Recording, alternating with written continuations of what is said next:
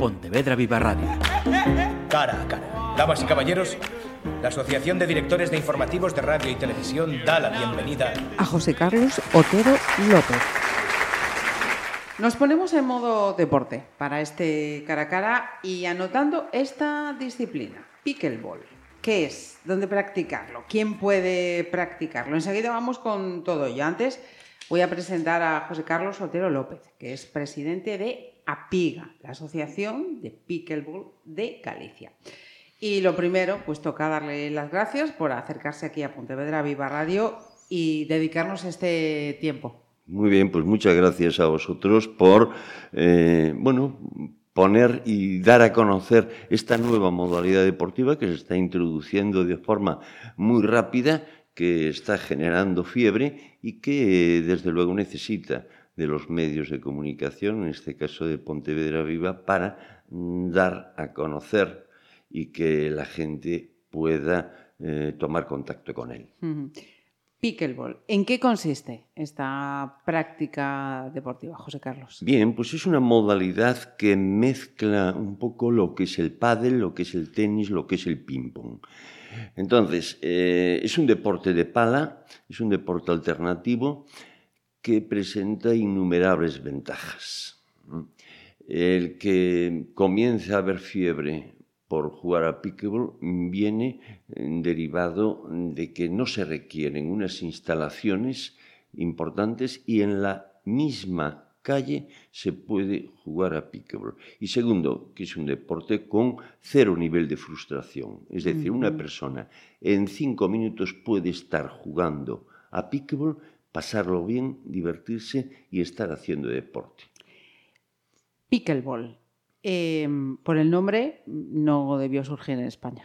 No, no, efectivamente esto viene de Estados Unidos, donde lo practican alrededor de 50 millones de personas y que fue inventada ya, ya en el año 1965 por unos empresarios que, bueno, estando en el jardín de su casa, estando aburridos y no sabiendo qué hacer, han descubierto, han inventado esta modalidad deportiva. Y a partir de ahí es cuando aparecen ya unas reglas, es cuando mmm, comienza a hacerse público y automáticamente en Estados Unidos cada uno va por la calle, lleva su red de pickleball en, en la mano porque pese ocupa muy poco y en cualquier espacio público que encuentre una cancha pintada en el suelo, ahí se pone a jugar a pickleball. 50 millones. En el caso de España, ¿cómo está extendida esta práctica? Pues en el caso de España, donde más fuerte está pegando es en Madrid, donde el ayuntamiento ha instalado muchas pistas, no recuerdo ahora el número exactamente, Andalucía, Canarias. Entonces, eh, ahora mismo el pickleball acaba de absorberlo la Federación Española de Tenis. Ahora mismo es una sección de la Federación Española y supongo que cuando tenga un número suficiente de jugadores mmm, con licencia, bueno, pues pasará a ser una federación independiente. Uh -huh. O sea que por ahora está eh, federado, pero dentro de ese paraguas de... De la de, Federación de, Española de Tenis. Uh -huh. Esto fue hace 10 días, ¿eh? porque hasta hace 10 días esto funcionaba con asociaciones.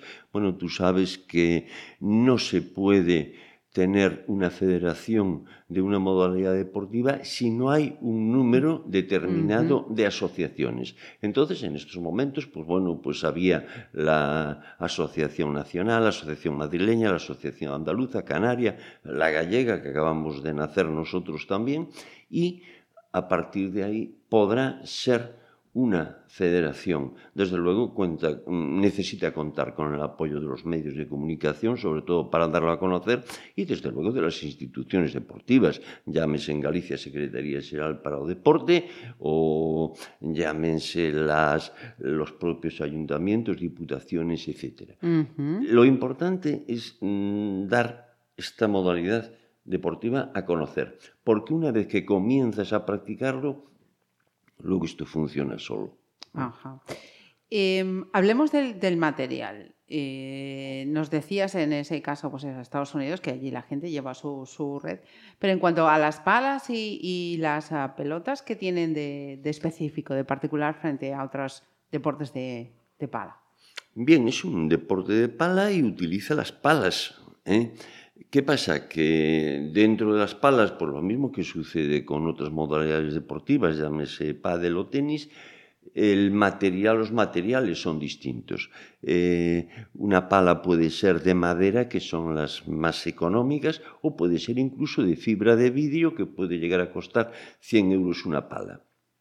Pero para iniciarse son unas palas de madera muy similares a las de pádel o muy similares incluso a las palas de playa, uh -huh. con la diferencia de que no tienen agujeros y la pelota es de unas dimensiones similares a las de pádel también o a las de tenis, pero con una característica. Son de un plástico rígido y con agujeros, lo que hace que la pelota no adquiera mucha velocidad y que esto es lo que facilite el aprendizaje. Uh -huh. Al no tener mucha velocidad la pelota se permiten peloteos muy largos que esto pues ayuda a favorecer eh, pues, el que te diviertas jugando. Uh -huh.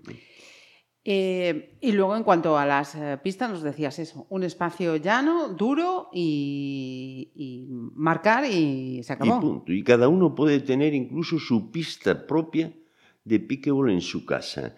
Es decir, lo único que necesitamos es una superficie rígida, una superficie llana, dura y que tenga una superficie mínima de 13 metros por 6 metros, que es uh -huh. lo que tiene una pista de pickleball, un ancho de 6 metros aproximadamente y de 13 metros de largo. Con esa superficie se puede jugar perfectamente a pickleball, es decir, personas que tienen un, viven en una casa y tienen un espacio rígido pues bueno, lo ideal que es que tenga un cemento pulido. Bueno, sería lo ideal para que uh -huh. el bote fuese perfecto. Pero nosotros aquí en Pontevedra hemos eh, puesto en marcha jornadas de puertas abiertas en la Avenida de Santa María, la hemos puesto en la Avenida de Montero Ríos, lo hemos hecho en pistas de tenis. Es decir, lo único que se necesita es superficie uh -huh. rígida y dura, nada y, más. Y dentro de la provincia, no sé si a nivel eh, particular o público hay alguna entidad que haya habilitado ya, pues decir, venga, este espacio para el pickleball. Sí, eh, concretamente en el ayuntamiento de Sotomayor, allí han, han puesto una pista reglamentaria de pickleball. Pero ahora mismo se están ya poniendo en muchos colegios, concretamente el Colegio Sagrado Corazón de Placeres, eh, tiene en estos momentos cuatro pistas de pickleball. También es verdad que ha contado con la ayuda del programa del Plan Social de ENCE, que les ha dado un dinero y les ha uh -huh. permitido construir pistas de, de pickleball.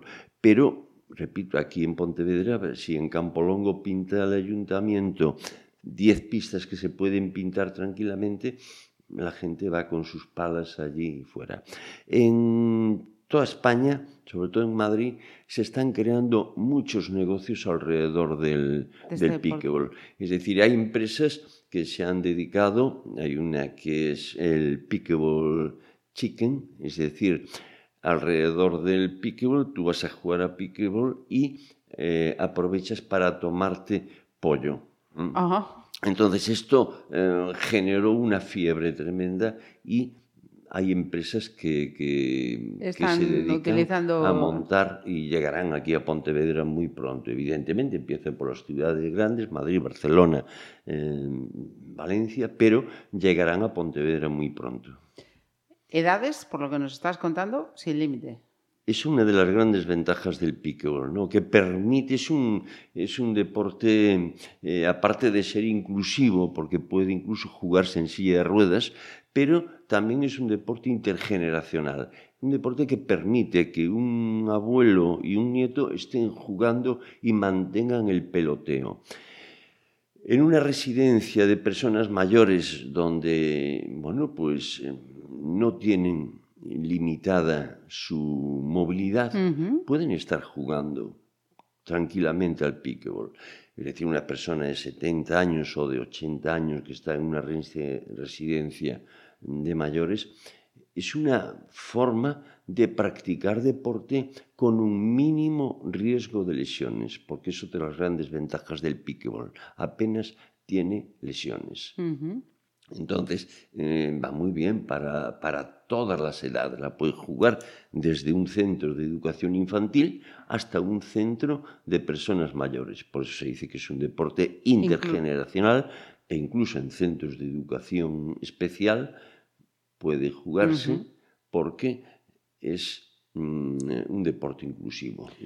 Voy a, voy a ir ahí, pero antes quería preguntarte. Entonces, a partir de dos personas ya se puede comenzar a jugar. ¿Y cuáles serían las reglas fundamentales? Es decir, aquí la bota, o sea, la bota, la pelota bota, no bota, como. Sí, eh, las reglas son similares a las del pádel si eliminásemos en el pádel las paredes. Uh -huh. Tiene un poco de dificultad las reglas de puntuación. Bueno, los americanos son muy enrevesados a la hora de, de poner reglas. Entonces, bueno, hay dos saques.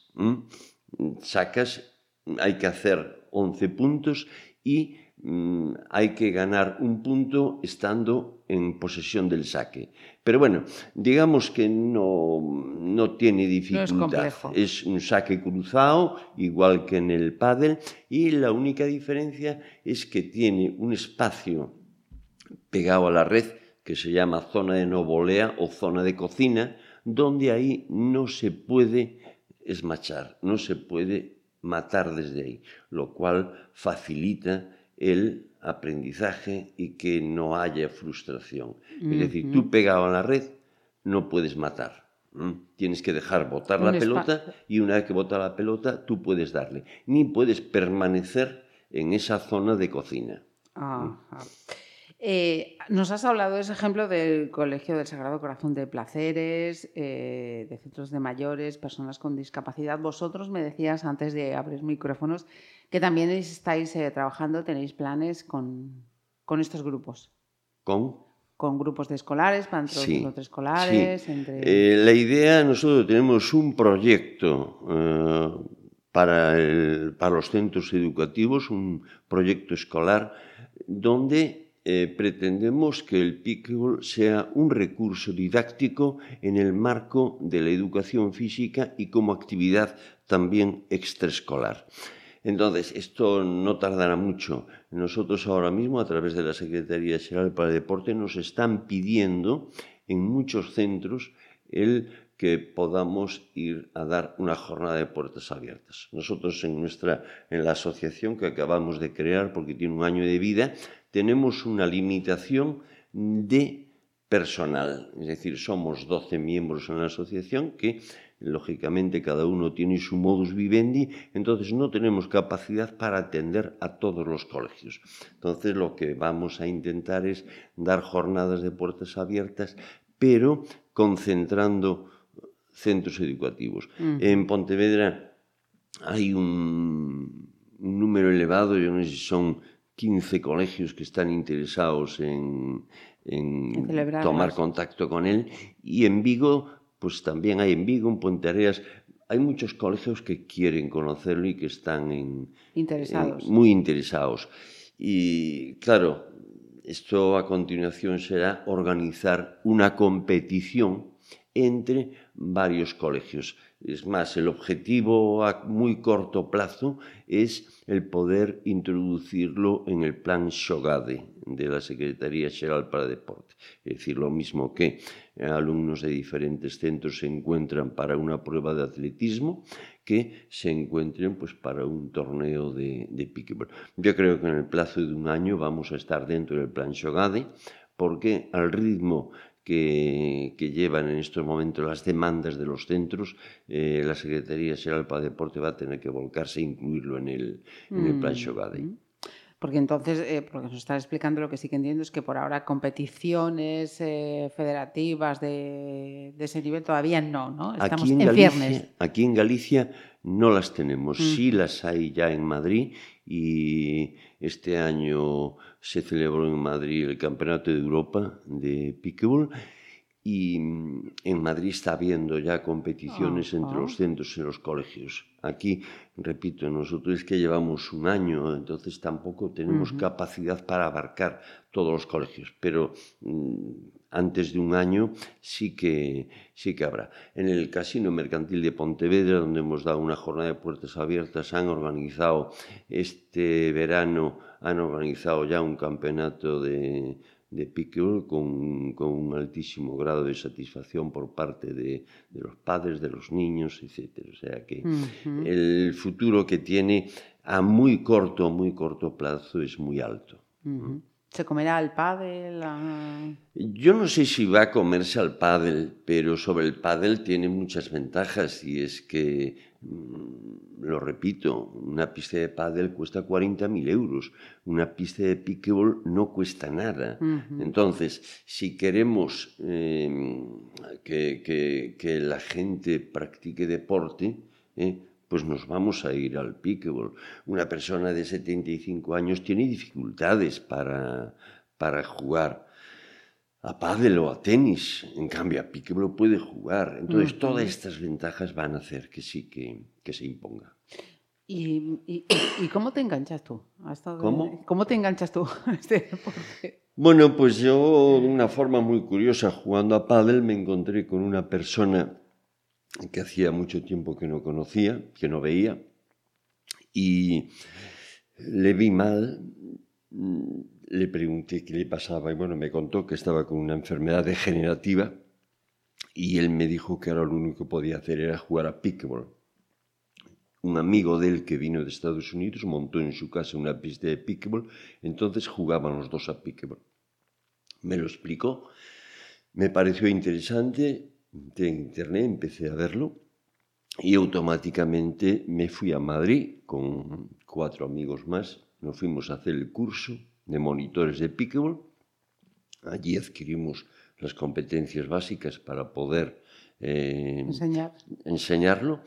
Creamos aquí la Asociación Española, creamos a PIGA, la Asociación, perdón, la Asociación Gallega de Pickleball, y, y ahí estamos trabajando. Uh -huh. Abrimos tentáculos, tenemos un miembro de la asociación en, en, Coruña, tenemos un miembro de la asociación en Lugo, tenemos uno en Vigo y aquí en Pontevedra estamos tres. Nos falta ahora cubrir Orense, Orense. pero en, en muy breve espacio de tiempo tendremos cubierto y la idea fundamental ahora mismo a corto plazo es eh, poder impartir un curso de formación para que tenga un efecto multiplicador, porque ahora mismo si a nosotros un colegio nos pide un monitor de pickleball para impartir como actividad extraescolar el pickleball, nosotros no tenemos personal. Ajá. Entonces necesitamos eh, impartir un curso de monitores y que estos monitores puedan ir por los colegios impartiéndolo como actividad extraescolar. Uh -huh. Y si alguien quiere contactar con, con, APIGA, con la asociación, ¿qué es lo que tiene que hacer? Bueno, pues puede bien hacerlo a través de nuestra página web, a través de nuestras redes sociales, en Facebook, Instagram, etcétera, o en el teléfono 629 834933. Lo, de los teléfonos es un poco complicado cuando alguien está oyendo. Y como esto también va escrito, lo que vamos a hacer, si te parece, es vincular a vuestra página web, que ahí ya he visto que tenéis los teléfonos y toda una información muy, muy útil. Y, oye, pues estamos a octubre de 2023. Podemos echar un vistazo en octubre del 24 a ver cómo va esto. Bueno, en octubre del 24 ya esto estará desbordándose. Es decir, en octubre de 2024 esperemos encontrarnos a gente por la calle jugando a, jugando a piquebol. Esperemos encontrarlo ya en todos los colegios, porque repito, aparte de que no requiere esas instalaciones especiales, lo que es el material, unas palas y unas pelotas, pues por, por 80 uh -huh. euros se tienen palas y pelotas. El Colegio Sagrado Corazón empezó a practicar el pickleball en la época mm, de, de, la pandemia, que era muy dificultoso los deportes por los contactos. Uh -huh. Entonces lo que hizo fue coger palas de pádel, las desinfectaba y a cada alumno le daba su pala. Eran palas ya recicladas. Entonces así empezó jugando a ah. piquebol con palas recicladas de, de pádel. Pero eh, unas palas de, para jugar de madera, repito, con 50 euros tienes palas y pelotas. Una red, bueno, pues ya si quieres una red buena que puede ser cebra, que es la que lo está introduciendo, bueno, pues te puede ir una red a 150 euros, que tampoco es un gasto especial.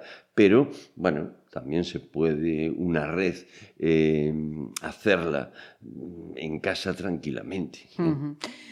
Voluntad y ganas de, hacer ejercicio, que es, eh, que es importante. Pues José Carlos Sotero López, muchísimas gracias por este tiempo y por introducirnos en este deporte que está increciendo por lo que nos acabas de contar. Muchísimas gracias. Muchas gracias a vosotros y, y bueno, que los demás medios de comunicación tomen nota de Pontevedra Viva para dar a conocer una modalidad deportiva que va a beneficiar a muchas personas. Enhorabuena y muchas gracias. Pontevedra Viva Radio. ¿Me permiten que les haga un comentario como espectadores del programa Cara a Cara? Según un reciente sondeo de mercado, ustedes disponen de estudios e inteligencias superiores a la media. Sus intereses abarcan desde la actualidad mundial y la ciencia hasta el deporte y los espectáculos.